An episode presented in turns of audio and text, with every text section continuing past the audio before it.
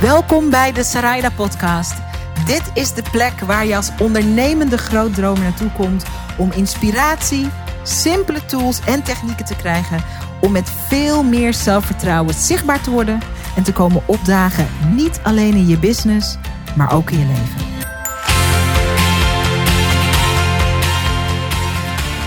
Sommige van de beste avonturen in deze podcast uh, beginnen op Instagram. Ik wil je heel even mee terugnemen naar hoe het komt dat de gast waar ik je straks aan ga voorstellen uh, nu tegenover me zit. Het is nu 2020, ik denk dat het 2018 was. Ik heb Videoland en ik ontdek, zo zonder dat ik iets van een promo heb gezien, op Videoland een serie die Mokro Mafia heet. Ik denk, nou, toch maar een keer aanklikken. Blijkt een fantastische Nederlands gemaakte misdaadserie te zijn. Um, die eigenlijk een soort um, binge-gehalte heeft. wat je van Netflix-series verwacht. Ik kijk de serie. Ik vind dat er interessante karakters in zitten. En er zit met name een interessant karakter in. die ik. Um, als het ware een soort herken, maar dat is misschien een andere podcast, uit de buurt waar ik op ben gegroeid. En dat karakter heet Romano. En Romano is eigenlijk een Nederlandse kingpin. Ja, ik zeg je, een andere podcast gaan we een keer praten over de buurt waar ik ben opgegroeid. En ik weet nog dat ik mijn broertje bel en dat ik zeg van, uh, het is een serie, je moet checken. En uh, um, je moet even die Romano, dat Romano karakter checken, want uh, lijkt op sommige van de jongens waar we mee zijn opgegroeid. Punt. Is niet het einde van het verhaal, maar leek toen wel zo. Een jaar later, geloof ik, kwam het tweede seizoen. En ook, ook weer helemaal gekeken. En bij het tweede seizoen op Videoland zaten er ook behind the scenes interviews. En de acteur die het karakter Romano speelde, die speelde dat zo goed dat ik dacht, echt ook een beetje een beginnersfout, dat is gewoon een guy die heel erg lijkt op zijn karakter. Heel stoer, uh, een, echt, een, echt een criminal, toffe acteur, maar verder dus ook niet echt op mijn radar. En dan zie ik dus behind the scenes, zag ik uh, um, interviews. En toen zag ik dat de acteur die het karakter Romano speelt, dat hij het zo goed speelt dat ik hem helemaal niet herkende. Gelukkig was de interviewer zat een beetje uh, in dezelfde, op hetzelfde spoor als ik, want dat was ook een thema van, hé, jij speelt het zo goed, ik herken jou niet. En die acteur die vertelt ook van, ik word eigenlijk helemaal niet zo vaak herkend. Dit is waar mijn interesse een beetje gesparkt wordt, want als je vaker naar deze podcast luistert, dan weet je, deze podcast gaat over zichtbaarheid. En dit is een podcast voor ondernemers.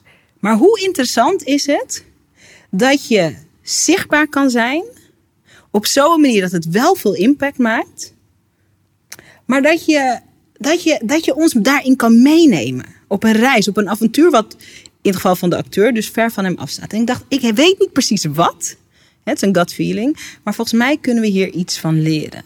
Ik denk dat we als ondernemers allemaal um, beter zouden kunnen worden in, um, en dat klinkt heel gek, in het soms kunnen aanscherpen van die rol. In het, in het aanscherpen van de manier waarop we zichtbaar te worden hebben. Dus ik dacht, oké, ik ga hem gewoon uitnodigen. En ik ga gewoon vragen hoe dat werkt. En wat wij ondernemers kunnen leren van fully komen opdagen op zo'n manier dat je mensen daarmee in een soort betovering brengt. Want dat is wat ik in elk geval ervaar als kijker. Dus inmiddels, dit is echt een lange intro, I know. Maar inmiddels zit hij tegenover me. Ik had hem gecontact via Instagram. Hè, prachtig platform. En uh, nu zit hij hier. En voordat ik je met het hele riedeltje uh, aan hem ga voorstellen, um, wil ik hem heel even erbij halen. Mandela, want je heet geen Romano. Je hebt gewoon een eigen voornaam. Mm -hmm. Mandela, ik heb dit volgens mij tegen je verteld al, maar ik weet niet of ik het in zoveel detail verteld is dat ik het nu mm-hmm. vertel. Luister, als ik voortaan geïnterviewd word, Moet... is ieder intro als die van jou zijn. Want okay. je hebt geen idee, mensen zien mij niet, maar ik zit op een stoel, maar ik voel me net Yoda, want ik zweef door die intro. Oh, mijn borst ging opzwellen van trots van over wie. Hey, dat gaat over mij. Dat is echt mooi hoe je dat hebt inge... Nee, dus heel dope. Heel tof hoe je. Dankjewel voor deze intro. En tof dat ik hier mag aanschuiven. Voor de mensen die nu helemaal denken: oh my god, ik kijk Mokromafia nog niet. Wat is dit? Wie is dit?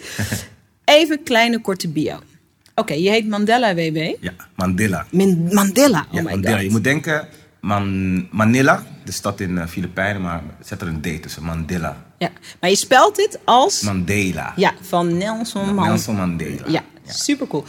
Uh, acteur, we kunnen je kennen van inderdaad Mokromafia, waar je een van de hoofdrollen hebt, Romano.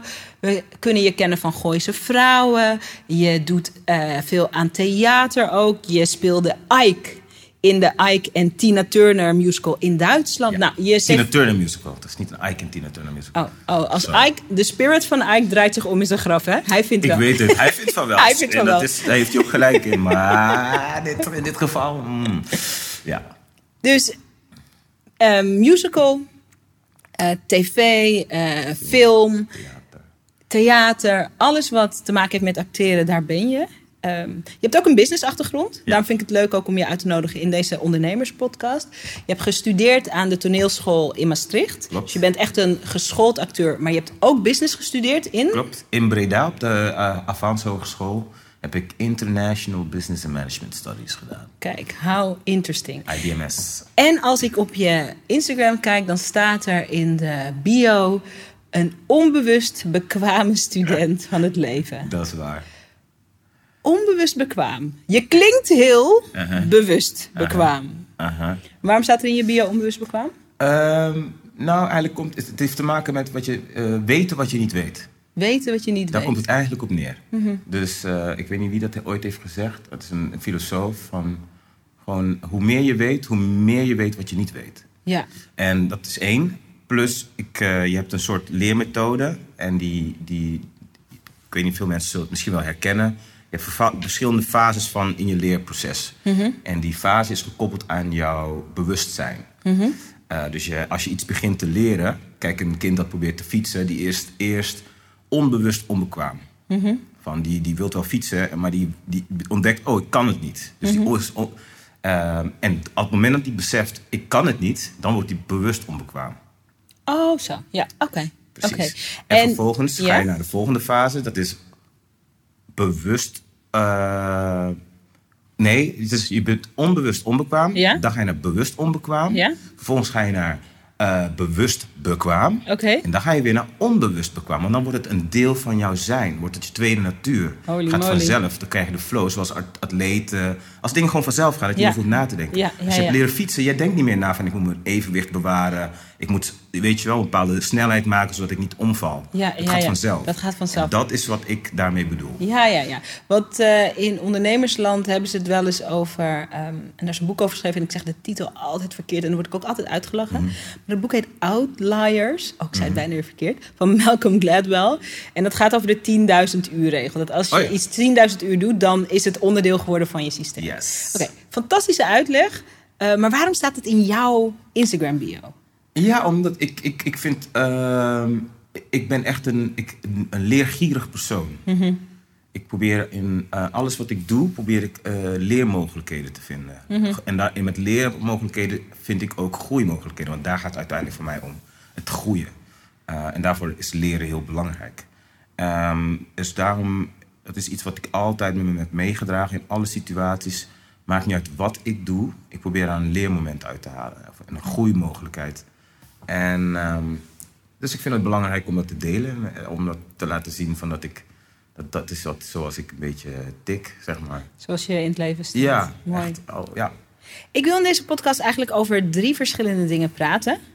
Ik denk dat de praktijk zal zijn dat het er misschien eh, iets meer worden. Maar er zijn drie dingen die ik in elk geval wil aantikken. Mhm. Ehm, ik weet niet of ik het net zo goed uitlegde. Oké, voor oh, soms zou je willen dat een podcast een videoshow is. Mandela doet hier een soort... Ik denk dat het een soort vreugdedansje is. Ja, ik Een weet soort het happy niet. Dance. Je geeft me een eh, goed gevoel, ik, weet het niet. I'm giving you some energy. Ja, je geeft me energie en dan ga ik gewoon bewegen. Ik ben een heel fysiek persoon, dus ik kan me soms... En ik moet ook zitten nu. En ik kan eigenlijk niet zo goed stilzitten, dus ik moet dat creatief... nou, eh, voor, voor wie die visual op zijn netvlies wil... Mandela gaat dansend door dit interview heen. Zit een soort van zittend te salsa dansen, zeg maar. Kijk, kijk. Ach, ah, it's fabulous. Oh, hou je ervan? Ja, oh, nou ja, goed. Zeker. Oké, Daarover later duidelijk. meer. Zo, drie dingen. Ik wil het hebben over acteren. Ja. Ehm, juist omdat deze podcast gaat over bloed eerlijk jezelf zijn. Hm. En wat ik er zo cool aan vond. eh, jij zet een karakter neer, Mokromafia. Hè, voor iedereen die die serie nog niet gezien heeft, ga checken. Ik moet er wel in alle eerlijkheid bij zeggen dat het is zo realistisch en zo krachtig gemaakt. ik ben geen sufferd, maar ik had wel nachtmerrie. Ik heb twee keer nachtmerrie gehad over oh, Oh, ja, wow. ja. Dus je moet even kijken of je, of je tere ziel het aan kan, maar uh, probably wel. Het is rauw. Ja, het is een heel, heel ja, en heel realistisch. Ja. En um, het geeft natuurlijk. Het is gewoon heel gewelddadig, mensen. Ja, ja. there's just a lot of violence daar. Ja, en het geeft een kijkje in een stuk Nederland wat, waarvan we weten dat het er is. We lezen daarover in de krant, maar waarvan we niet weten hoe het werkt. En that's very interesting. Maar wat ik wel tof vind aan uh, dat karakter dat je neerzet. Um, ik beschouw mezelf als een redelijk intelligent iemand. Mhm. Mm -hmm. En ik snapte gewoon niet dat jij, Mandela, Ja. de mens met SCH, zo anders was als je karakter. En Ehm, ik had het er ook even over met een vriendin. Dat heeft volgens mij te maken met ehm, je energie op zo'n manier kunnen kanaliseren dat er iets ontstaat. En ondanks dat deze podcast gaat over, gaat over zichtbaarheid, gaat over bloed eerlijk jezelf zijn, gaat over komen opdagen. Het gaat niet over het spelen van een rol, maar het gaat wel over can you bring the energy Mhm, mhm. in je video's, als je webinars geeft, als je op het podium staat, als je samenwerkt met mensen. Can you bring the energy? Kan je mensen betoveren met het werk dat je doet? Mm. Dus daar wil ik het over hebben met je. Dat is één. Ik wil het ook hebben over. ehm, ik wil het ook hebben over Tilburg. Tilly, ah, Ja. lekker. Yes. Waar je ook vandaan komt. Niet oorspronkelijk, obviously. Ehm, Wel getogen. Ja. ja, niet geboren. Suriname geboren. Yes. Tilburg getogen. Yes. Ehm, ik was met je mee naar een demonstratie. We, we nemen dit op ten tijde van eh, juni 2020. We zijn samen naar een Black Lives Matters medis eh, medistratie. Medistratie. was het ook al een beetje. Ja, het was een was medistratie. demonstratie geweest. Jij hebt daar. eh, ehm, de gemeente had jou gevraagd om dat vreedzame protest te begeleiden. Ehm, duizend mensen die op anderhalve meter afstand van elkaar moesten protesteren. Ik was mee. Eh, ik ben heel opinionated eh, als het gaat om eh, presentaties. Mhm. Because I really love it. Mhm. En ik doe het ook veel. Ik was mega onder de indruk. En ik heb het idee, wij kennen elkaar natuurlijk helemaal niet zo goed. En ook helemaal niet lang. Maar ik heb wel het idee dat het... ehm, dat er daar echt iets voor je gebeurd is. Mhm. Dus daar wil ik het over hebben. We hebben het acteren, we gaan het hebben over Tilburg. En ik wil met je praten over je ondernemerschap. Je hebt ook business gestudeerd. Yes. Eh, ik denk dat dat een. eh, ik vind dat een interessante achtergrond ook voor een acteur. Dit is een ondernemerspodcast. Eh, en ik ben gewoon benieuwd ehm, waar de ondernemer Mandela en de acteur of de kunstenaar. Hoe verhouden die zich tot elkaar? Mm. En misschien kunnen we van zowel eh, Mandela de ondernemer wat leren als van eh, Mandela de kunstenaar. Nice. Wat een topics, hè? Ja, wat een mooie topics. Waar Mooi. wil je beginnen? Dit doe ik eigenlijk normaal nooit. Maar I'm feeling soortig van... eh, waar wil je beginnen? Wil je in Ehm. Tilburg beginnen? Wil je beginnen... ehm, Maakt me echt niet uit. nee? Oké. Fire. Fire away. Laten we dan toch ook maar Tilburg beginnen. Ook Juist. omdat het een heel actueel ehm, onderwerp is ten Ja. tijde van opname. Ja, zeker. Waarom heb je ja gezegd tegen ehm, het begeleiden van een, eh, een Black Lives Matter protest Mhm. ehm, in je hometown? Wat was, ik snap natuurlijk waarom je ja hebt gezegd. Mhm. Superbelangrijk. Ik, voor mij is dat ook een superbelangrijk thema. Mhm. Eh, maar er zijn heel veel mensen, als er voor dat soort dingen gevraagd worden, die geen ja zeggen. Klopt. Juist ook eh, mensen die zich heel erg ver- verweven voelen met dat hele thema van stop racism. eh, laten we vechten tegen discriminatie. Maar toch zeggen veel mensen nee voor dat soort spotlight. Absoluut, en dat snap ik ook heel goed. Want als het op zoiets aankomt als racisme, dan is het geen makkelijke positie om je daarvoor in de frontlinie te werpen. Nee, want mensen vinden er wat van. Iedereen vindt wat We van. maken er natuurlijk mee dat mensen die zich uitspreken. eh, en dat is heel gek, maar dat gebeurt ook allemaal in Nederland. Dat als je je veel uitspreekt, dat, dat je juist meer gediscrimineerd wordt. Dat je, in sommige gevallen is er beveiliging nodig. Dat zien we op dit moment nu ook. Sylvana Simmons in het Mhm. verleden, eh, en misschien niet eens in het verleden, heeft daar ook veel mee te doen. Dus ehm, it's for a great cause. Mhm. En het vraagt ook wat van je. Ja, Ja. ja En ik vind dat mensen zich moeten uitspreken. Maar daar Mhm. absoluut. Nee, laten we even inderdaad eh, de, de, de, de, zeg maar de, de, de, de, de cause reden even buiten beschouwing laten. Van de, de noodzaak van dat dat kan ik eigenlijk niet buiten beschouwing laten. Maar, uh, dus ik vond dat het belangrijk was om daar iets over te zeggen. Ik wilde me ook eigenlijk uitspreken. was ook aan het nadenken van hoe ga ik me uiten over dit. Terwijl ik eigenlijk helemaal niet op social media wilde verschijnen. Eigenlijk helemaal niet opnieuw. Omdat ik niet... Want alles gebeurde nu vanuit woede en emotie. En ik heb die emoties ook. Maar ik zocht naar een manier van hoe zou ik mij nu willen uiten? Wat vind ik belangrijk om te bespreken? Mm plus ik voelde van shit, ik wil iets doen, maar ik, ik vond het maar niet. Mhm. En toen werd ik dus gebeld door uh, de organisatie van de demonstratie in Tilburg. Mhm. En ik hoefde niet eens na te denken, want um, inderdaad, omdat het mijn hometown is. En ik vond het heel belangrijk dat iemand in Tilburg die dat zou doen, dat hij van Tilburg was. Uh, omdat ik Tilburg ken. En Tilburgers laten zich niet door iemand van buitenaf vertellen hoe of wat is. Mhm. Dat gebeurt gewoon niet. Dus, en ik geloof dat voor iedere stad geldt dat het maatwerk nodig heeft. En ik mhm. geloofde dat ik dat maatwerk kon leveren. Mhm. Want ik, ik heb het ook op die manier gedeeld met het publiek. Van ik ben van hier, ik heb ze ook voorbeelden gegeven. Hoe ik daar ingebed ben en hoe Tilburg in mij ingebed is. En dus waardoor ik dat gesprek uh, met ze aan kon gaan. Ja, voor mij was een kippenvelmoment, want ik was, en dat is ook raar, ik was erbij. Ja. Dat was super raar. Ja, ja. We hadden contact gehad omdat uh, ik ging je interviewen voor deze podcast. Je vertelde dat je daar uh, werd gevraagd voor de demonstratie. Mm -hmm. En ik weet niet waarom, maar mm -hmm. ik dacht, ik zei tegen jou, ik, volgens, ik ga mee, ja, volgens mij. Gruwelijk. Ja, vond ik heel tof. En niet eens omdat je in de podcast zou zijn, maar ik dacht, ik wilde gewoon bij zijn. Maar ik wist niet waarom. Ja. Maar het leven is soms ook dat je gewoon je rare gut feeling volgt. Juist.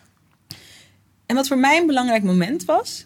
Um, er waren daar ongeveer duizend mensen, niet meteen. Hè. Dat mm -hmm. werd naarmate Klopt. de dag vorderde, werd het meer. Um, en van die duizend mensen waren 995 mensen waren daar om te laten zien: uh, uh, we zijn tegen racisme, mm -hmm. we zijn tegen discriminatie, we zijn voor gelijkheid. Mm -hmm.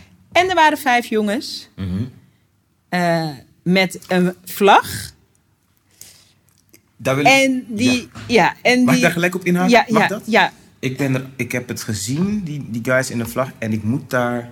Uh, ik, ik ben daar daarna... Ik wist niet wie het waren.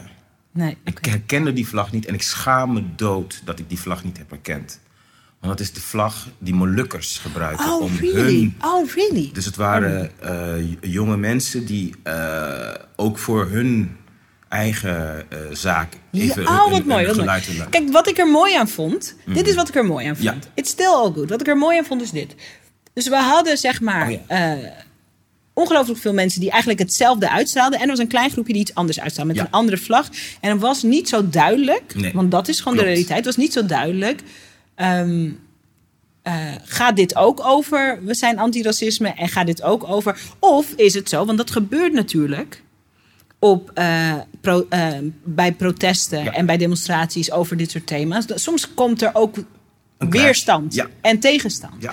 Wat ik zo bijzonder vond aan, eh, aan hoe jij dat oppakte, ongeacht dat je dus later ontdekte wat de, wat de toedracht was, het was heel duidelijk dat er een groepje eh, eh, anders was, om het zo Mhm. maar te zeggen. En een van de eerste dingen die je deed is eh, dat je zei van eh, jullie hebben ongelooflijk veel recht waar je ook in gelooft, Mhm.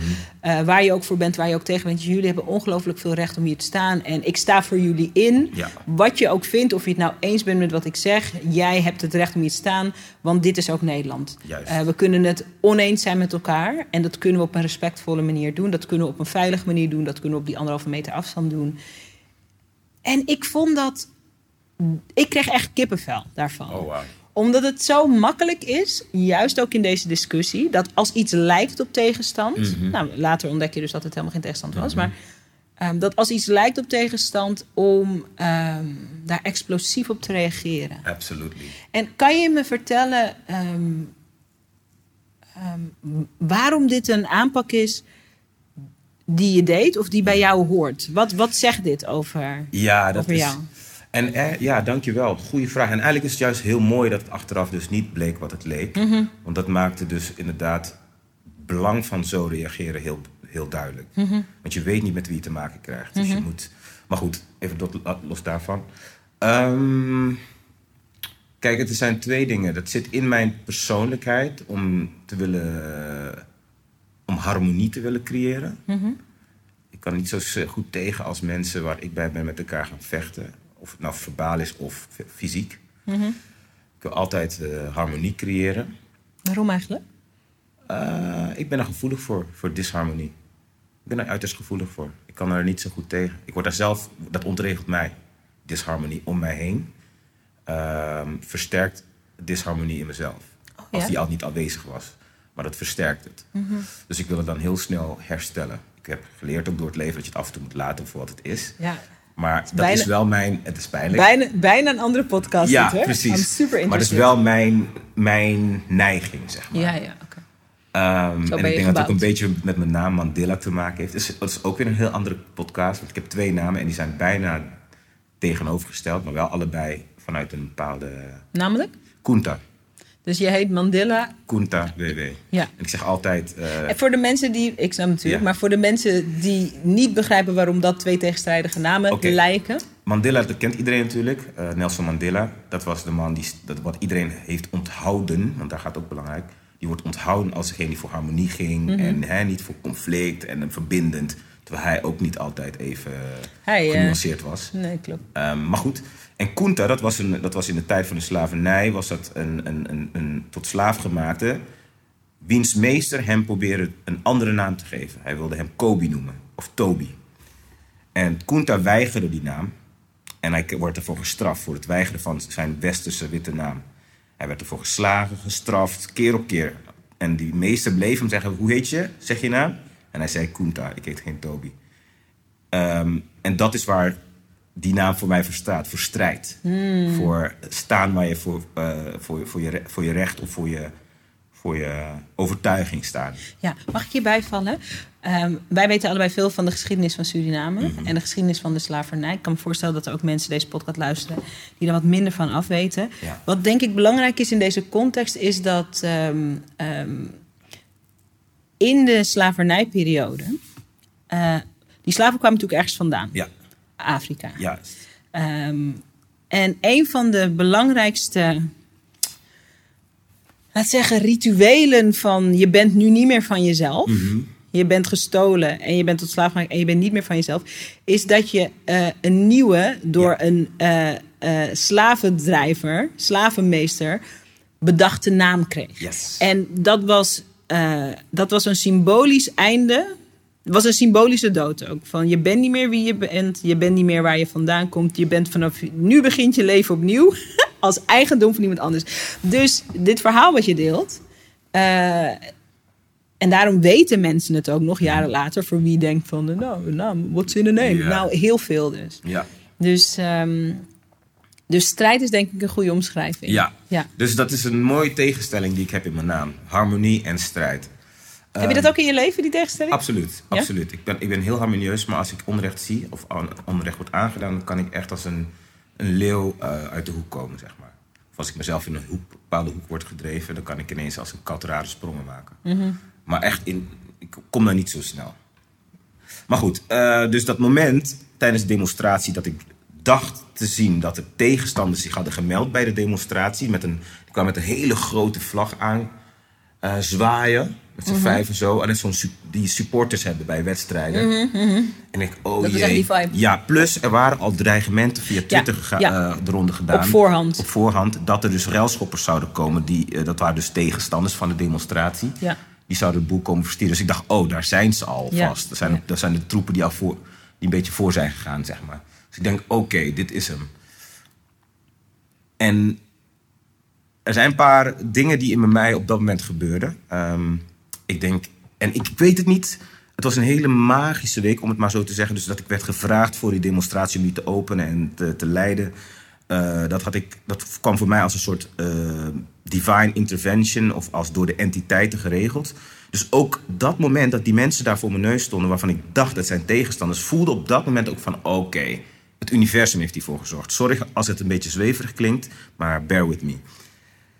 Dus dat accepteren dat het dus een cadeau was bijna, dacht ik, dan moet ik het ook omarmen. Dus wat heb, ik heb dus hun omarmd. Ik zei van, hé, hey, ik pikte ze eruit, want ik dacht, als het tegenstanders zijn, dan moet ik ze een prominente rol geven in deze demonstratie.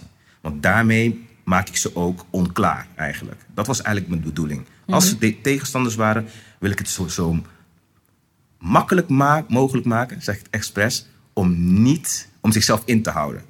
Mm, interesting. Ja, dus ik wilde ze onderdeel maken van het protest. Dat was mijn bedoel, inclusie. En daar gaat het ook allemaal om. Ik heb hun inclusief geïncludeerd in dat protest. En dat was de kracht daarvan. Mhm. Ehm, ik heb ze gezien, dat is één. Ik heb ze erkend, dat is twee. En ik heb ze empowered, dat is drie. Want ik kwam op een gegeven moment dat mensen voor gingen staan. Ik dacht, die werden geblokkeerd. Ik zei, hé, hey, ik heb hem beloofd. Ik ga alles aan doen om zijn recht om te demonstreren, om, om tegengeluid te geven. Zou ik alles aan doen om dat te bewaken. Ja, en je hebt je ook aan het woord gehouden. Ik was er natuurlijk bij. Uh, waardoor er gewoon iets heel. Ondanks dat er dreigementen waren geweest, ondanks dat er dus duizend man op een redelijk klein stukje Tilburg staan. uh, het was heel bijzonder. Het was ook heel emotioneel. Um, ik vond het heel knap. Um, ja, het was heel bijzonder. Het was heel bijzonder. Mag ik daar nog iets over zeggen? Nee, jawel, okay. natuurlijk. Oké, even voor de record. Mandela was iets eerder dan dat we deze podcast moesten beginnen hier. Toen hebben we nog even een broodje gegeten, omdat we even wat dingen doorspraken. En mijn, mijn trend vandaag is dat ik op alles wat hij vraagt nee zeg. Dus nee. Dat gaat nu door Sarah heeft een nee-dag Ik heb een nee-dag. richting, ja. Je wil nog wat zeggen? Um, wat daar... Kijk, ik heb expres aan mijn organisatie gevraagd toen ze mij vroegen ik doe het op de voorwaarde dat het als eerste mag. Mhm. En dat ik het mag openen, want daarmee kan ik een bepaalde toon zetten. Mhm. Want ik was me heel goed van bewust dat de mensen niet eens waren met de demonstratie vanwege de corona. Ja. Um, ik wist dus dat er eventuele tegenstanders zouden komen. Het was niet bekend hoeveel mensen zouden komen, wel een schatting, maar dat was allemaal onduidelijk. Want ze zei, die opkomst die er is geweest was echt. Dat was crazy. Crazy, boven verwachting. Zeker voor de organisatie die normaal gesproken anderhalve paardenkop hebben als een. Uh, uh, opkomst hebben als er een demonstratie is. Dus voor mij was het belangrijk om te openen, maar daarmee kon ik eigenlijk de randvoorwaarden scheppen voor een vreedzame en, zoals ik het noemde, intelligente demonstratie. Waarbij we van begin tot eind anderhalve meter hebben weten te bewaren en in de gaten hebben gehouden met elkaar. Ja, ja, wat dat betreft was het eigenlijk ook een voorbeeld van wat er juist in deze tijd mogelijk is. Ja, precies. Ja. Dat, dat was voor mij heel belangrijk. Um, en ik denk dat omdat mensen betrokken werden bij het geheel. En, ik, en de transparantie die ik had. Want ik heb het gewoon echt eerlijk gezegd: dit is wat het is. Ik mag hier eigenlijk niet staan. Ja. Uh, we hadden eigenlijk uh, ergens iets minder zichtbaar mogen zijn, moeten zijn. Dus ik heb het opengegooid aan het publiek. Transparant geweest van: wat ik nu doe is tegen de afspraken ingaan. Dat doe ik. Dat weten jullie. Maar we kunnen het op een slimme manier doen ik heb ze uitgelegd hoe we dat zouden kunnen doen. En ik heb ze gevraagd of ze daarmee willen werken. Ja, en deden het. En ze deden dat. Ja. En het, er zitten gewoon bepaalde, ja, ik wil het bijna technieken zeggen, maar het is niet zo dat ik het echt als een techniek, maar het is wel een, een techniek geweest. Nou ja, wat ik begreep, en daar wilde ik het over hebben ook in de podcast, was ik, wat ik, en niet begreep is niet juist, wat ik echt zag en ervaarde, was, uh, dat gaat gewoon echt over leiderschap. Mm. Dat gaat gewoon over leiderschap. Dat, Mm. dat, niet iedereen kan dat. Mhm. Niet iedereen kan dat. Duizend man begeleiden in zo'n explosieve situatie. Dus dat is heel knap. En ik ben gewoon benieuwd. Grappig, ja. Ja, heb je een inzicht? Nee, ik, ik, was me echt totaal niet bewust van dat ik een leider was op dat moment. Dat is de Echt? grap. Echt serieus. That's so strange. Serieus. Echt, ik, ik deed gewoon wat ik voelde dat ik moest doen. Het was echt. Het voelde. Pas achteraf kan ik zien. Van, oh ja, je was inderdaad de boel aan het leiden. Maar ik. Het voelde niet toen ik erin ging. Oké, ik ben de leider van dit protest. Nee, natuurlijk Ik niet. groeide Nee. er hooguit in. Maar het was geen bewuste, eh, bewust Proces. ervaring. Ik was dus onbewust bekwaam. Ja, als je het maar precies. zo even wil zeggen. Om maar zo even Ja. te komen. Ik vind het wel fijn om juist in deze podcast nog even ook wat dieper in te gaan op dat leiderschap. Mhm.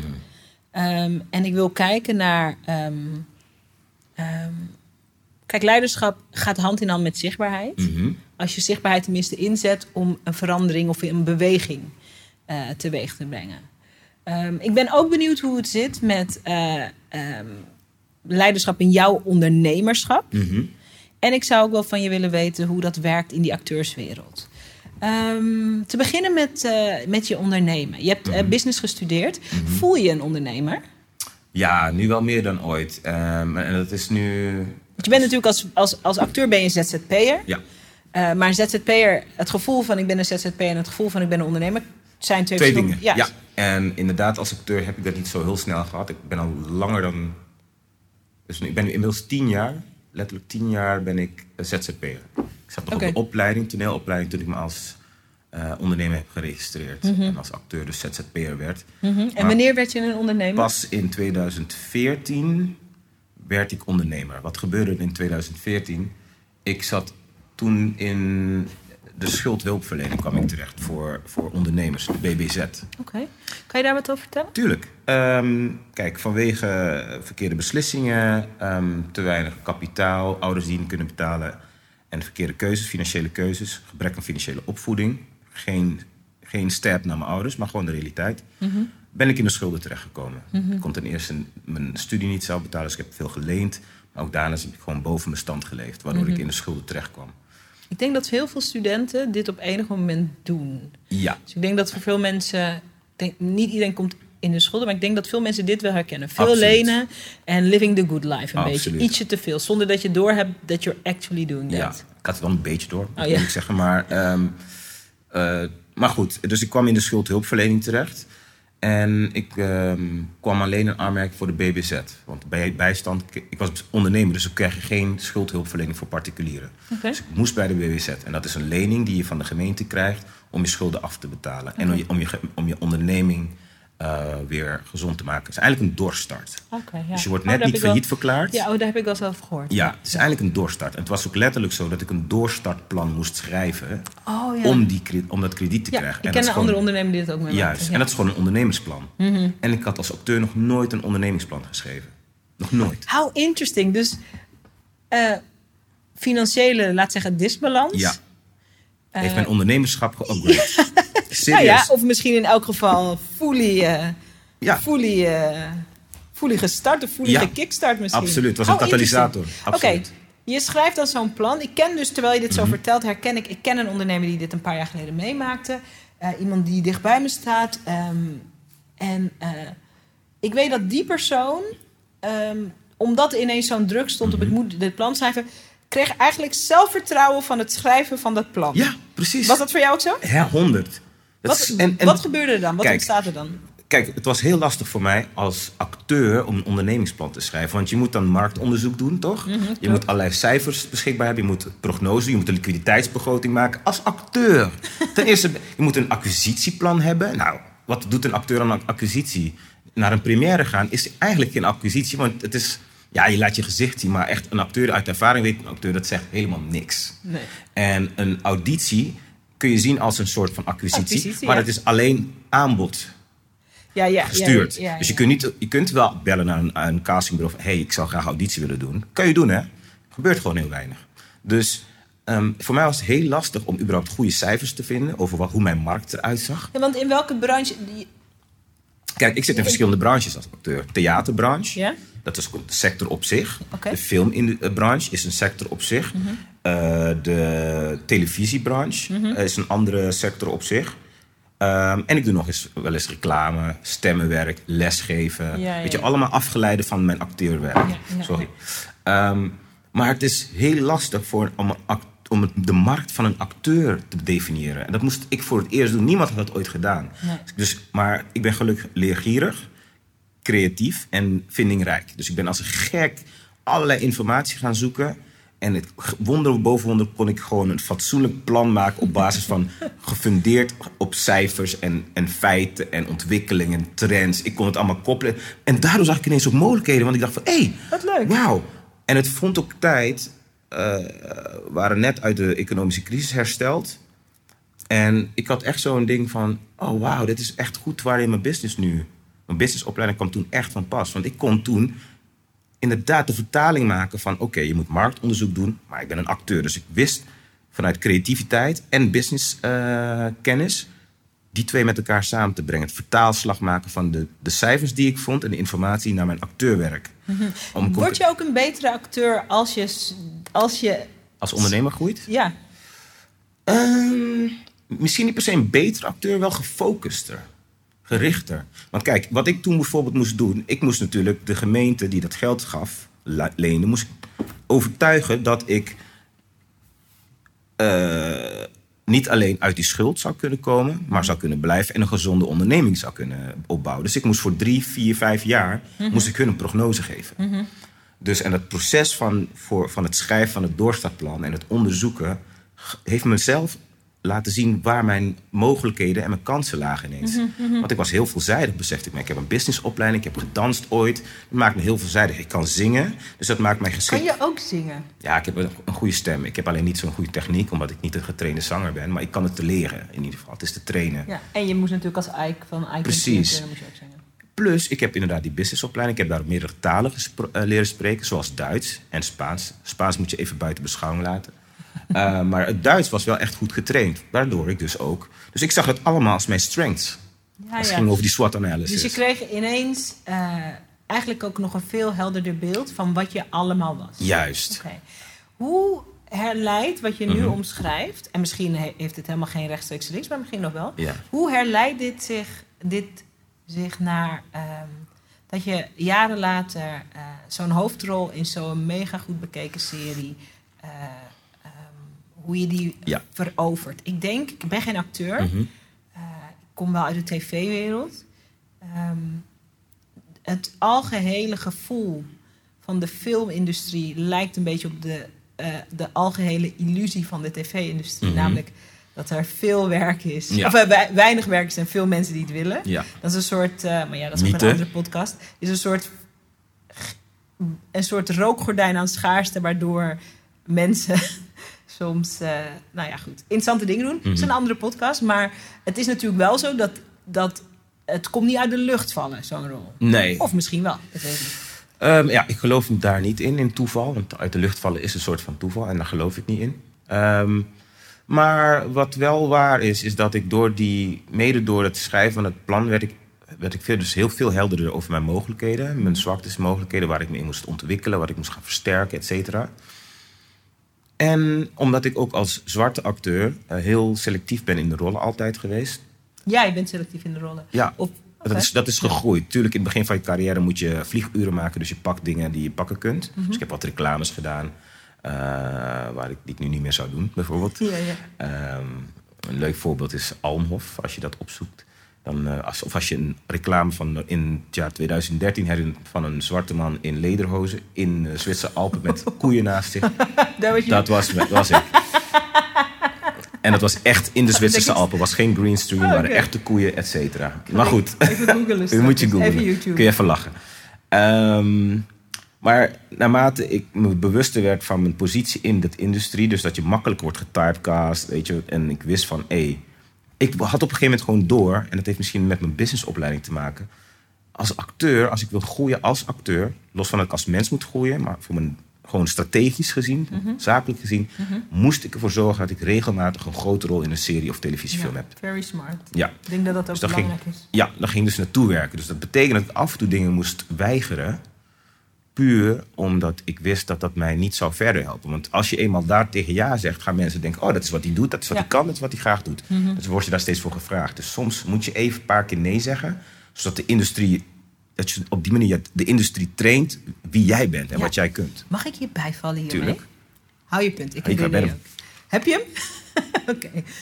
Grab, you grabbed it. It. Wat ik hier leuk aan vind en wat voor eh, ondernemers die geen acteurs zijn, denk ik hierin herkenbaar is, is dat ehm, wat jij omschrijft, hè, eh, Mandela, is dat als je veel ondernemers beginnen hun business, eh, ik zeg maar wat, hè, Mhm. je bent een coach, en als je dan vraagt aan die ondernemers, eh, wat is je doelgroep, dan zegt zo'n beginnende ondernemer, iedereen. Which is really not true at all. Want als je eerlijker wordt tegen jezelf, dan weet je, als we in het voorbeeld van de coach zijn, dan weet je dat je bepaalde mensen, of bepaalde soort mensen het liefst coach. Bijvoorbeeld, misschien kies je ervoor dat je zelf gemotiveerde mensen die een grote droom hebben eh, en die eh, zelfreflecterend vermogen hebben, wil coachen. dat, is misschien, dat is misschien je droomdoelgroep. En als je zegt iedereen, dan hoort daar dus ook bij iemand die door zijn vrouw naar een coach is gestuurd en die met tegenzin en zijn armen over elkaar zegt van ik wil hier eigenlijk niet zijn, Ja. maar ik moet van mijn vrouw en eh, ik eh, ben hier, maar ik ben hier niet. En voor beginnende ondernemers die hun doelgroep niet scherp willen stellen. Bij jou is het niet je doelgroep, maar het was het soort rollen wat je Ja. Op een, zolang je dat niet scherp stelt, voor wie ben je echt en voor wie ben je nou echt niet? Als je gewoon eerlijk bent tegen jezelf, hè, wat soort rollen wil je nou echt spelen, wat soort rol niet? Kan je ook geen, wat ze in Amerika noemen, momentum creëren. Dus dan kan je niet, de, dan kan je niet soort die versnelling daar naartoe creëren. Maar waarom doen veel mensen het niet? Waarom doen veel acteurs het niet? Omdat het ook spannend is. Als je kleur bekent aan jezelf en zegt: Dit wil ik wel en dit wil ik niet. Niet. En omdat er dan stemmetjes zijn van: eh, Ja, maar misschien red je het wel niet. Ja. Als je. eh, je kan toch niet alleen maar doen wat je leuk vindt? Of je kan toch niet alleen maar met de mensen werken waar je energie voor krijgt? En stiekem het antwoord: wel dus. Ja. Wel Plus, dus. ik zou daar zelfs aan toevoegen. Ja, maar dan kan ik mijn rekening niet betalen. Ja, ja, tuurlijk. Dat zijn tuurlijk. ook dan- tuurlijk, dan red ik het niet. Dan eh, kan ik mijn rekeningen niet be- betalen. Eh, misschien is de doelgroep die ik wil niet groot genoeg. Misschien zijn de rollen die ik wil, misschien zijn die niet in Nederland. Allerlei redenen. Al die angsten die herkenbaar zijn, maar waarvan het zo interessant is om er toch te durven doorheen te breken. Yeah. Jij besloot, ik, eh, eh, voor wat ik wil, eh, moet ik goede rollen spelen in films en series. Ja. Dat is belangrijk. ja, het was heel belangrijk voor mij om te ontdekken wat voor soort acteur ik was. Ja. En dat is, heb ik natuurlijk mede dankzij de toneelopleiding kunnen doen. Want dan mag je zoveel dingen uitproberen. Verschillende soorten rollen, verschillende soorten stukken, verschillende soorten scenario's. Dus dan ontdek je op een gegeven moment wat voor soort acteur je bent. En dat, dat is heel vaak gelinkt aan wat voor soort persoon je bent. Ik ben een persoon die graag, eh, ik noem mezelf ook graag een diepzeeduiker. Dus ik hou van de diepte ingaan. Ik kan ook heel oppervlakkig zijn, geen probleem. Maar als het om bepaalde dingen gaat, ga ik heel graag de diepte in. En dat, doe ik, dat geldt ook voor mijn rollen, omdat ik geloof, complexiteit is niks meer dan laagjes. Dus, en dat is de mens. En ik wil de mens laten zien als ik acteer, in zijn complexiteit. Dus dat betekent, ik noem mezelf dus een karakteracteur. En dat betekent dus dat je niet een dan kun je een bepaald aantal rollen gewoon niet doen. Mhm. Wat kan je bijvoorbeeld niet doen als je een karakteracteur bent? Dan kun je-. Dan kun je geen eh, rollen doen die plat zijn, die indimensionaal zijn. Ja, ja. Dat zijn heel vaak in Nederland, in ieder geval, de bijrollen. Ja, ja, ja. Niet alle bijrollen. Hè. Sommige Nee. bijrollen zijn gewoon heel goed geschreven, zodat ze goede antagonist zijn voor de hoofdrol. Maar in Nederland, vanwege budgettaire redenen en soms creatieve armoede, ehm, zijn die bijrollen vlak. Ja. En, en heel specifiek. Van, dat is het specifieke rol van deze personage voor de hoofdrol Ja. of voor het verhaal. Ja, dit is de beste vriendin die, eh Juist. die het altijd eens. Ja, die altijd, ook. ja, of die altijd drinkt, weet je wel. En dat is het, klaar. Hey, that's me. Ja. Ja, of dat is die zwarte vriend die eh, overal loopt, eh, die krijgt alle vrouwen of zo. Of dat, die is een voetballer. Maar niet de complexe mens daarachter, Ja, vaak. ja, ja. En ehm, dus daarvan wist ik van, oké, als ik die karakteracteur wil zijn, moet ik me ook zo kunnen ontwikkelen. En dat kan je alleen door de rollen die je speelt. Dus je moet dan ook accepteren dat je af en toe rollen niet accepteert, minder werk hebt. Mhm. Maar wel, als je dan, want dat is wat ik heb gemerkt. En dat is misschien voor de ondernemers wel heel eh, interessant om te horen. Want dan, het, de angst die je dan kan krijgen is van... ja, maar dan doe ik een bepaalde tijd geen rollen. Dan speel Dan ik doe een ik niet bepaald niet. Doe ik niet, ja, niet genoeg werk. Ja, maar de grap is dan iedere keer als ik dan wel een rol kreeg... die mij op het lijf geschreven was... dan maakte ik in één keer super sprongen gewoon vooruit. Ja, ja, ja. Dan haal je al die tijd in. Want Oh, je hebt dan een platform waarin je kwaliteiten... die er altijd zijn en zullen zijn, ineens kunt etaleren. Die worden aangesproken, die worden ge- gemobiliseerd. Ja, waar ik meteen aan moet denken, ik zit natuurlijk ook altijd met één ondernemersoor mee te luisteren. Ehm, en waar ik dit een mooie soort. Oh, je doet weer een dansje. dit een mooie soort metafoor... Ik denk dat het komt dat ik dan iets heb gezegd, want ik, volgens mij heb ik het best wel goed gezegd. Ja, je hebt het net ook zeker gezegd. maar ehm, voor ons als, eh, als, als ondernemers, als we geen acteur zijn... ehm, waar jij, wat jij nu vertelt, ik moet eh, dan denken aan eh, klanten. Mm. Ehm, ik heb een paar jaar geleden besloten in mijn business... dat ik een klant mag ontslaan. Hmm. Eh, wat zoveel inhoudt als dat eh, iemand kan zich aanmelden voor eh, een training bij mij of een vorm van coaching met mij op het gebied van zichtbaarheid, op het gebied van video, op het gebied van storytellen. Ehm, maar ik heb een paar keer gehad, heel weinig hoor. Mhm. We hebben heel veel mensen helpen we en mogen we helpen, maar ik heb een paar keer gehad. Soms had ik gewoon een rotte appel. Iemand die ongelooflijk negatief was. Iemand die eigenlijk niet geholpen wilde worden. Precies. We hebben ook online communities. Iemand die in de community een negatieve, verziekende sfeer heeft. En ik zei toen ook tegen mijn team: wij gaan klanten ontslaan. Die niet bijdragen. En dan gaat het dus niet over van dat je het goed moet doen, of dat je alle lesstof moet doen, of dat je altijd naar de coach moet helemaal. Maar het gaat over uh, de energie die, je, die je meebrengt. En als dat negatief is, of als dat vervelend is tegen anderen met name, of vervelend tegen mm. mij, mag ook niet, ja. dan geven we je gewoon je geld terug en dan zeggen we bye. Wow. En in het begin, we hebben dat iets van drie keer gedaan of zo, misschien vier keer. In het begin is dat spannend. Maar wat je merkt, is dat uh, als je die ruimte maakt, dus in jouw geval door niet die kutrol aan te pakken, of in mijn geval door die vervelende klant uh, met veel liefde in je hart geld terug te geven, dan, dan gebeurt er iets goeds voor de rest. Ja. Voor de rest van het bedrijf, de rest van, uh, van de mensen die wel in de community zijn. Uh, voor de andere rollen die op je pad komen. Dat is iets, dat, dat is iets dat is iets super magisch. Dus voor iedereen die luistert en denkt: ik ben gewoon nog niet eerlijk genoeg over waar ik ja en nee tegen zeg. Dit is echt iets om over na te denken. Ik denk wel dat het interessant is. Je moet wel iets, je moet wel iets bepaalds over jezelf geloven. Of over de mhm. wereld. Of over je vak. Of over je branche. Om het te durven. Absoluut. Wat moet jij geloven om soms dus uh, uh, rollen voorbij te laten gaan? uh, kansen voorbij te laten gaan die geen kansen zijn. Terwijl je misschien ook juist wel dat geld dan juist ook wel goed kan gebruiken. Mm What do you have to believe to be able to say no like that? Waar moet je dan op leunen of in vertrouwen? Um, dat is een goede vraag. Um,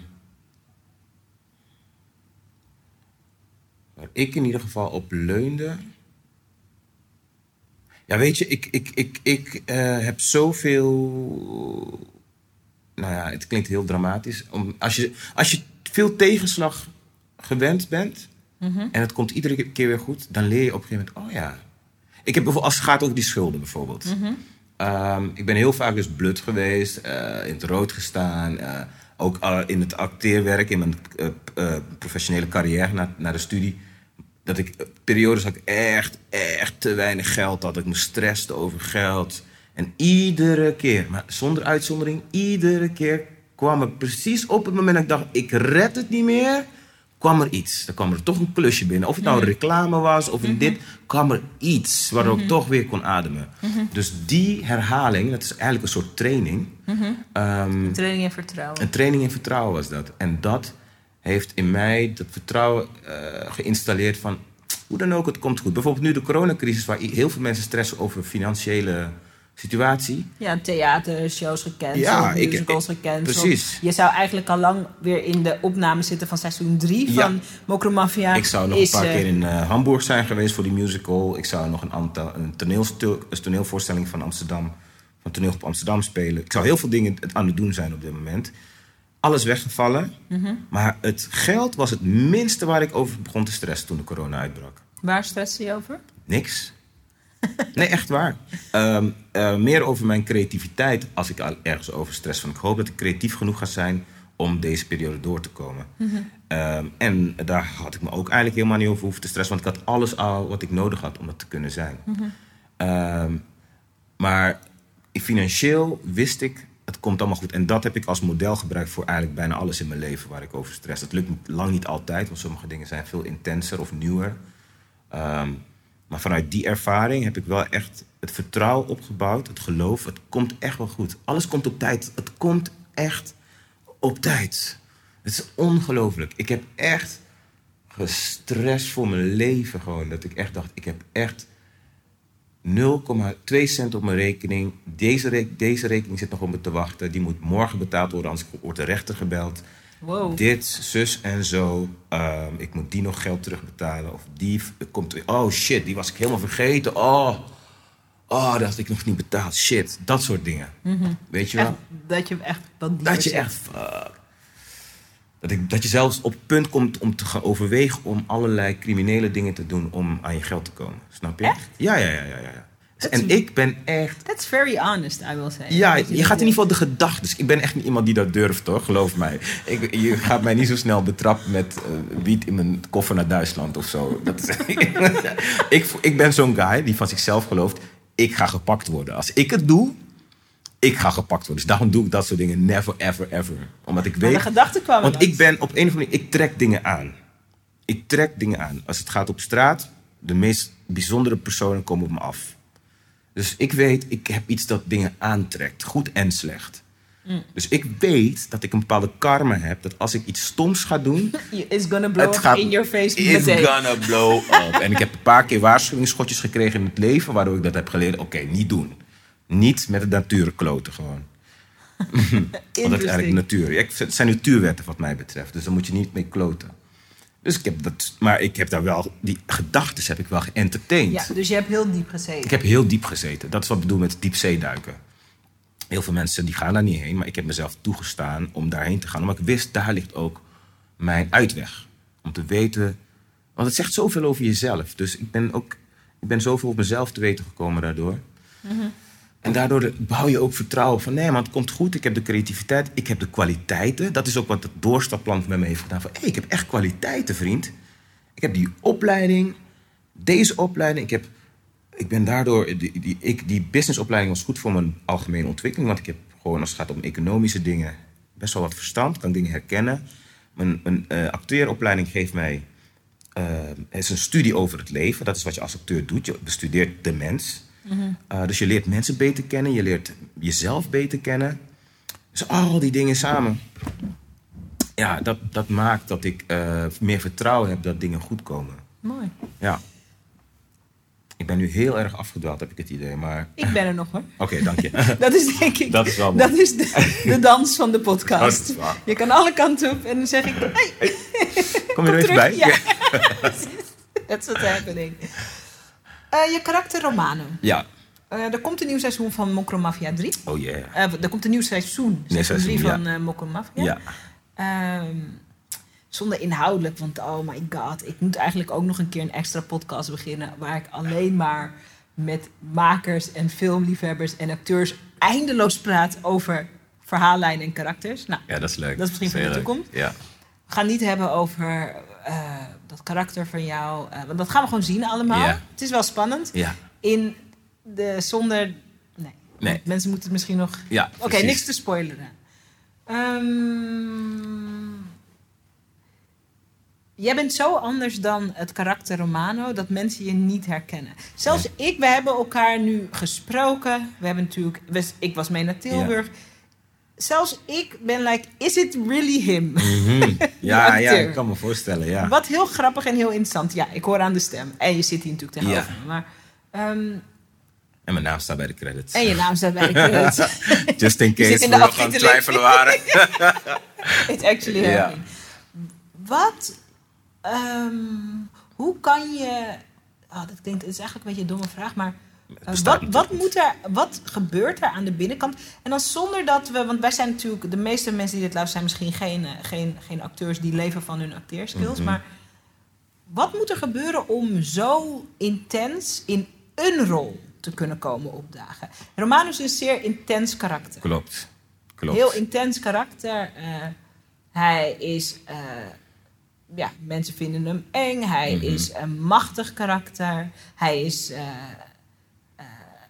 ook op een bepaalde manier genadeloos. Mhm. Hij is ook menselijk. Mhm. Ehm, Gelukkig, fijn dat je dat zegt. ja. Maar het is een intens karakter. Dat is waar. Als hij op het scherm is. Laten we zeggen, er zijn geen scènes waarin je denkt: Oh ja, Romano was ook in die scène. Oh Het is ja, meer zo precies. van, Je gaat het weten. Ja, ja.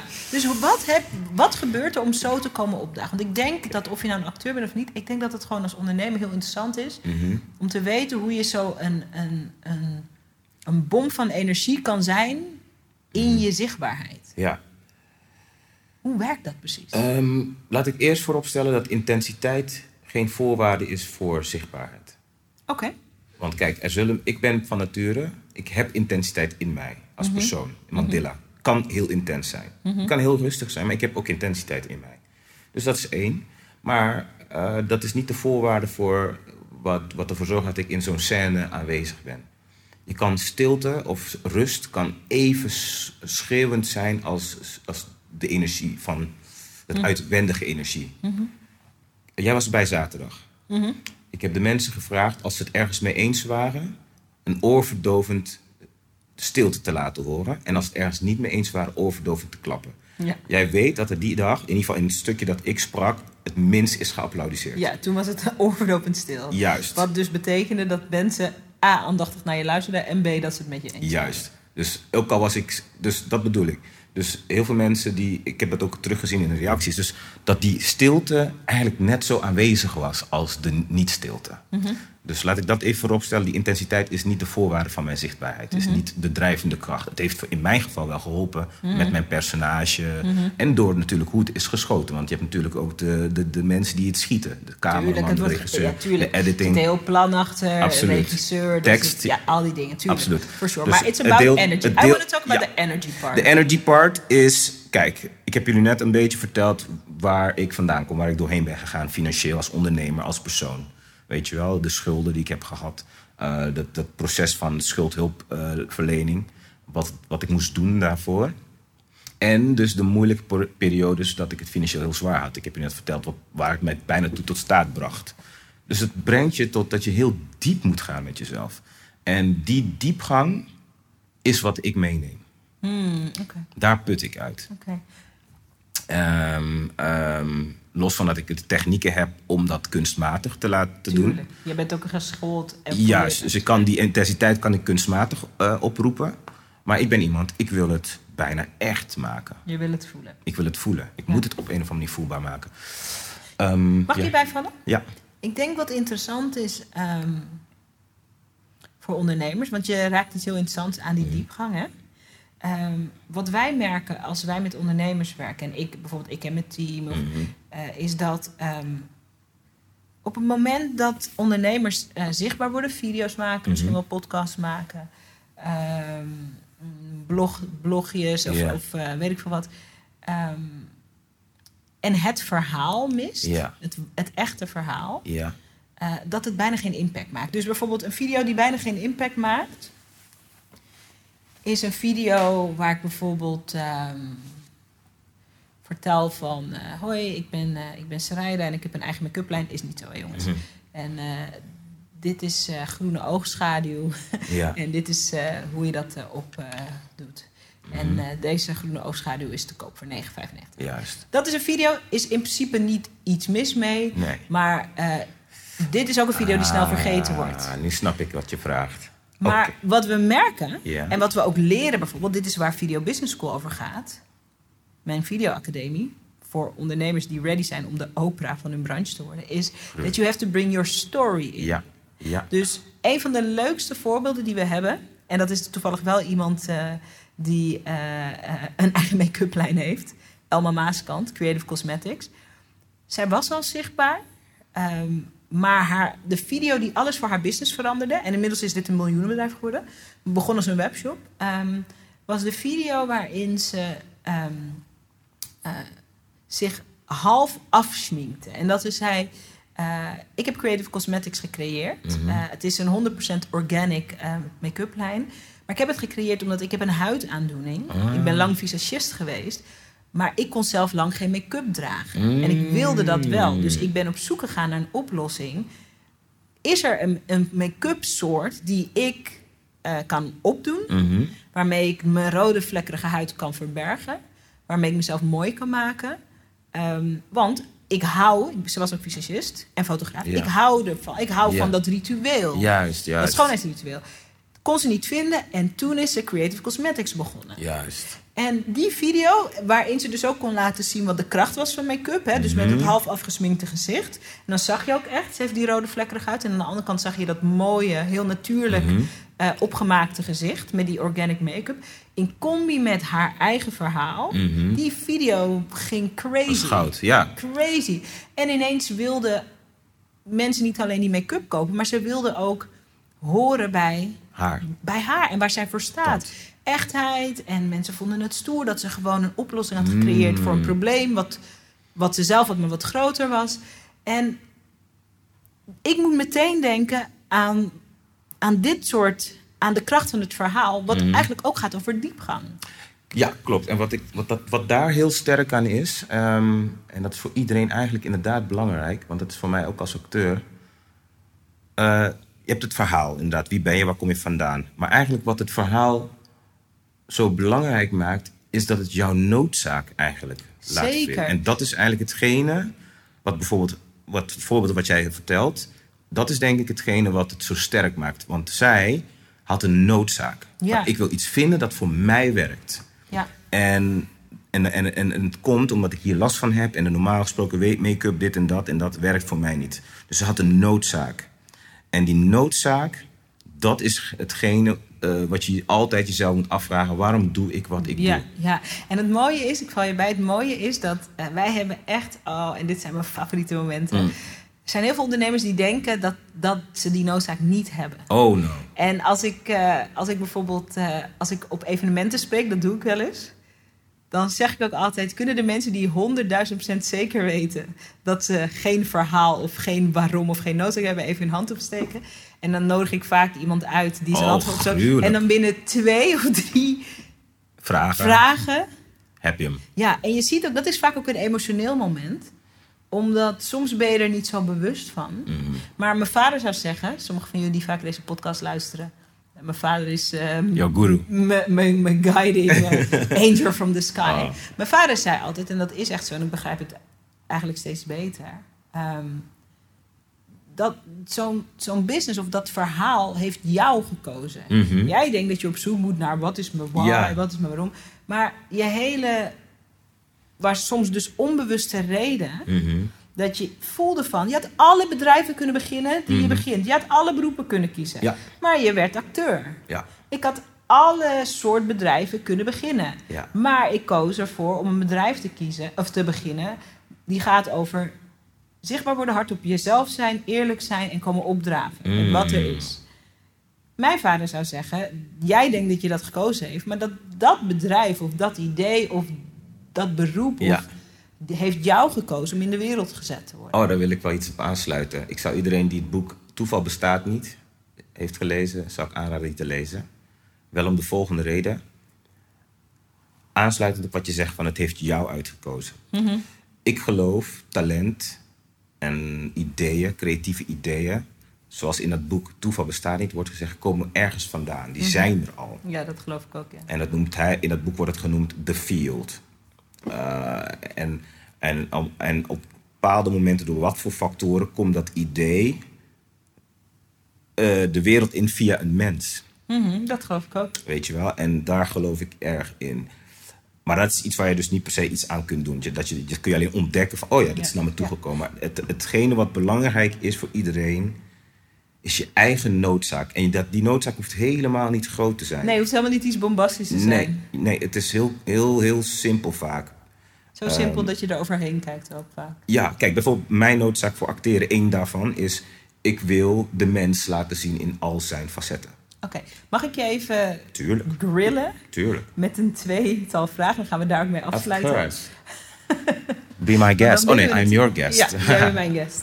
Ehm, weet je het moment nog dat je eh, het besluit nam, misschien Mhm. als kind, eh, dat je wilde acteren? Of dat je acteur zou worden?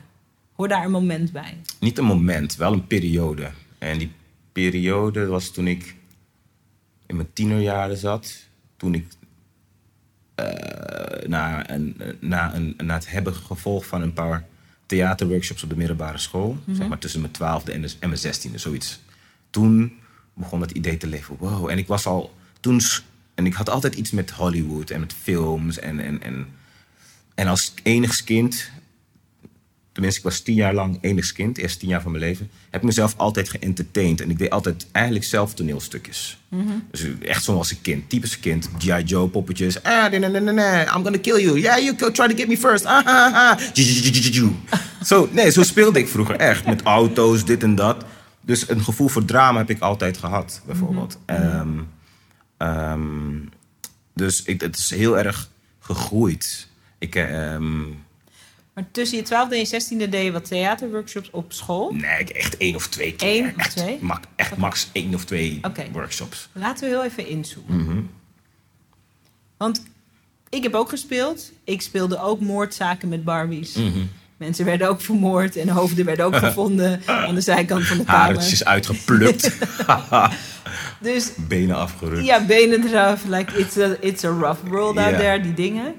Ehm, maar laat ik het zo vragen. Hoort er een moment. Was er een moment dat je dus in de vorm van enig acteren, misschien bij Mhm. zo'n acteercursus of bij Mhm. zo'n dag, ehm, dat je iets voelde waar je toen misschien verslaafd aan bent geraakt? Ehm, Want veel mensen houden van films, veel mensen spelen ook met poppetjes. Ja. Dus er is ook iets anders gebeurd. ja, ik denk dat ik heel erg hou van eh, transformeren. Why? Dat is leuk. Iets heel anders zijn dan je bent. Of, laat ik het zo zeggen, iets anders in je versterken wat je bent. Wat je normaal gesproken niet uitvergroot. Ik ben bijvoorbeeld echt een mafkees. Heel veel mensen zullen mij niet kennen als een mafkees. Eh, omdat ik dat gedeelte in het openbaar minder uitvergroot. Ehm, dat was ook het leuke aan het interview met J.J. Bosker die jij hebt gezien. J.J. Bosker met Op de, op, de set, eh, ja. op de set van Mokromafia. Ja, Waar we dus zagen dat jij helemaal niet lijkt op je karakter. Nee, precies. Omdat ik in dat karakter... Nou ja, ik, ik zie niet dat ik de criminele kant van mezelf uitvergroot. Maar ik probeer wel mijn versie van een Romano neer te zetten. Je had, je had vijftig verschillende Romano's kunnen krijgen afhankelijk van de acteur. Oh ja, zeker. Dus ik heb de, mijn, mijn versie neergezet. Ehm, waarom zeg ik dit nu ook alweer? Omdat we het hebben over... eh, Het ergens- defining ergens- moment van mijn... eh, ja, of, ja, ja. Ergens, is, ergens heb je ontdekt... mhm, eh, voor mij is het nodig ja. om, om me constant te moeten te kunnen transformeren. Ja, dat is niet per se. Ja, ik, het is gewoon een ta- ja, talent. Het is gewoon een kwaliteit die ik heb. Eh, de, de- een vermogen om, om, om, om in een andere huid te stappen. En- Oké. In een andere leven te stappen, in een ander bewustzijn te stappen. Dat heb ik van jongs af aan gehad. Ik was als kind al dansen. Dus sowieso op het podium staan of entertainen. Eh, of mezelf uitdrukken is niet per se entertainen. Maar dans is, mijn is mezelf entertainen in eerste instantie. Eh, en het acteren is iets wat dan uit, uiteindelijk ex, uitwendig gericht is geworden. Maar ik in, in entertain in eerste instantie mezelf. Ehm, Mag ik daar een gekke vraag over stellen? of course. Omdat ik denk wat je omschrijft, hè, ik voel het, het is zo krachtig. En er zit toch iets diepers ook nog. Voor het acteren bijvoorbeeld. Eh, ja, dat- Ja, ja, ja, tuurlijk. Er zit echt een dieper ding. eh, ehm, alleen dat is, niet, dat is niet gelijk gekoppeld aan hoe men ik denk, ik ga acteren. maar Dus zit wel een acteren is echt begonnen met, ik vind het vet om verschillende personen te zijn. Mhm. In de zin verschillende, nee, verschillende levens te leiden. Want ik wilde vroeger van alles worden. Mhm. Ik wilde piloot worden, ik wilde astronaut worden, ik wilde een racecoureur worden, ik wilde topvoetballer worden. En als acteur kun je dat allemaal zijn. Mhm. Zonder dat je Ja. heel die jugu jugu die daarbij komt kijken.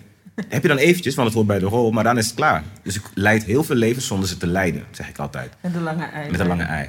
Dus dat is eigenlijk waar het, act- het in de puurste zin het acteren van mij begint. Omdat ik het vet vind om iemand anders te zijn. Wat er daarna bij is gekomen, omdat ik ouder werd en meer diepgang in mijn eigen leven begon te krijgen, is dat ik zag dat het mensen raakte wat ik deed. Dat ik daar een bepaalde. Ik ontdekte dat ik daar een bepaalde invloed op mensen had. Uh, en dat mensen, je hebt echt talent. Wauw, ik geloofde echt wat je daar deed. En dat deed ik allemaal toen de tijd intuïtief. Um, en op een gegeven moment begon ik te merken: oh wauw, je kunt mensen raken. Dus ik, wil, ik wilde ook de wereld veranderen. En toen ontdekte ik: oh, met acteren kan ik ook de wereld veranderen. Want ik kan iemand laten zien waarvan ik vind dat moeten we niet worden met z'n allen. Oké. Dus het heeft verschillende lagen en, Maar- en momenten van opbouw. En wat wil je aan de wereld veranderen? Niet per se veranderen, maar eh, ik wil gewoon een spiegel voorhouden. Zodat wij anders, andere keuzes maken in hoe we met elkaar omgaan, hoe- we zelf denken. Je wilt als kunstenaar, het, het enige wat je doet, is een bepaalde weergave van de weer- werkelijkheid geven. En de vorm van die weer- weergave is afhankelijk van de kunst die je maakt en de kunstenaar die je bent. En er zijn heel veel mensen die zich helemaal nul bezighouden met het verbeteren van de wereld. Ja. Eh, veel van de luisteraars van deze podcast herkennen het heel erg. Mhm. En als je de vraag echt even op je in laat werken, waarom vind je het belangrijk om de wereld te veranderen? Omdat ik me daardoor eh, gelukkiger ga voelen in de wereld waar ik ben. Uiteindelijk doen we dat echt voor onszelf. Dus eigenlijk is het wat je eerder zei, Mhm. eerder in dit interview zei je, als er harmo- disharmonie buiten je is, Ja. ontstaat er ook disharmonie binnen. Ex exactly. En het acteren gaat over dat je... Nee, daar gaat het niet over. gaat het niet nee, over? Het is geen therapie voor mezelf. Nee, dat bedoel ik niet. Dat bedoel ik niet. Nee, maar sorry, wat, wil je naartoe dan? Nou ja, dat het als je dat, die twee dingen, dat het, dat het, ik kan me voorstellen dat het wel wat met elkaar te maken heeft. Als jij ziet van, uh, ik leef al die levens, mhm. het raakt mensen, ja. mensen voelen er iets bij. Mhm. Daar gaat harmonie natuurlijk ook over. Harmonie gaat ja, niet alleen, kijk, ik heb natuurlijk niet de illusie dat ik de wereld kan veranderen en dat ik met mijn acteerwerk de wereld verandert. Want wat, wat ik wel heb geleerd van mijn werk als acteur, het is en blijft end of the day entertainment. Tuurlijk, mensen kunnen geraakt worden. Uh, mensen kunnen er even door van slag zijn, een paar dagen over praten. Of het kan hun favoriete film worden. En voor sommige individuen kan het life-changing zijn. En dat is eigenlijk al heel wat. Als ik één persoon kan veranderen, top. Dan heb ik al een deel van de wereld. I know, I know, I know. maar ik heb losgelaten het idee dat mijn acteren er moet, toe moet leiden dat... Ik ben dus niet op het resultaat daarvan mhm. uit. Maar gewoon op het proces. Ja. En, gewoon en, en, laten zien. Want dat is wat je doet. Je laat het zien als acteur. Net als een, een wetenschapper die stelt vragen. Die komt niet met antwoorden. Zo komt een kunstenaar met beelden en spiegels. Maar die komt niet met van zo moet het. Mm -hmm. Tenzij gevraagd. Dan kan hij een, een voorstel doen. Van zo zie ik de wereld voor me. Mhm. In de vorm van een schilderij. Of van de vorm van een lied. Mhm. What a Wonderful World, weet je wel? Of I'm Starting with the Man in the Mirror van Michael Jackson. Dat is zijn antwoord van begin bij jezelf. Maar in eerste instantie geeft hij een spiegel. Dat is wat een kunstenaar doet. Mooi. Ja. Mensen die je willen volgen, die meer van jou en je werk willen weten, waar kunnen ze naartoe?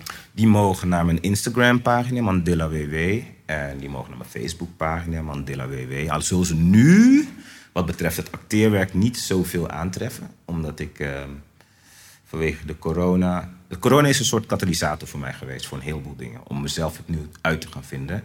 En daardoor heb ik ervoor gekozen om mijn zichtbaarheid, om het maar even zo te zeggen, in eerste instantie een beetje terug te schroeven. Dus niet actief heel tijd zichtbaar te willen zijn via Instagram en social, uh, social media.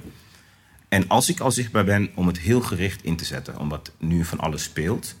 Um, ik zeg heel, uh, ik zeg alvast, uh, ik zeg, we leven nu in een soort crisis matrushka. Ik weet niet of jullie weten wat de matrushka is. zijn die Russische poppetjes die in elkaar passen.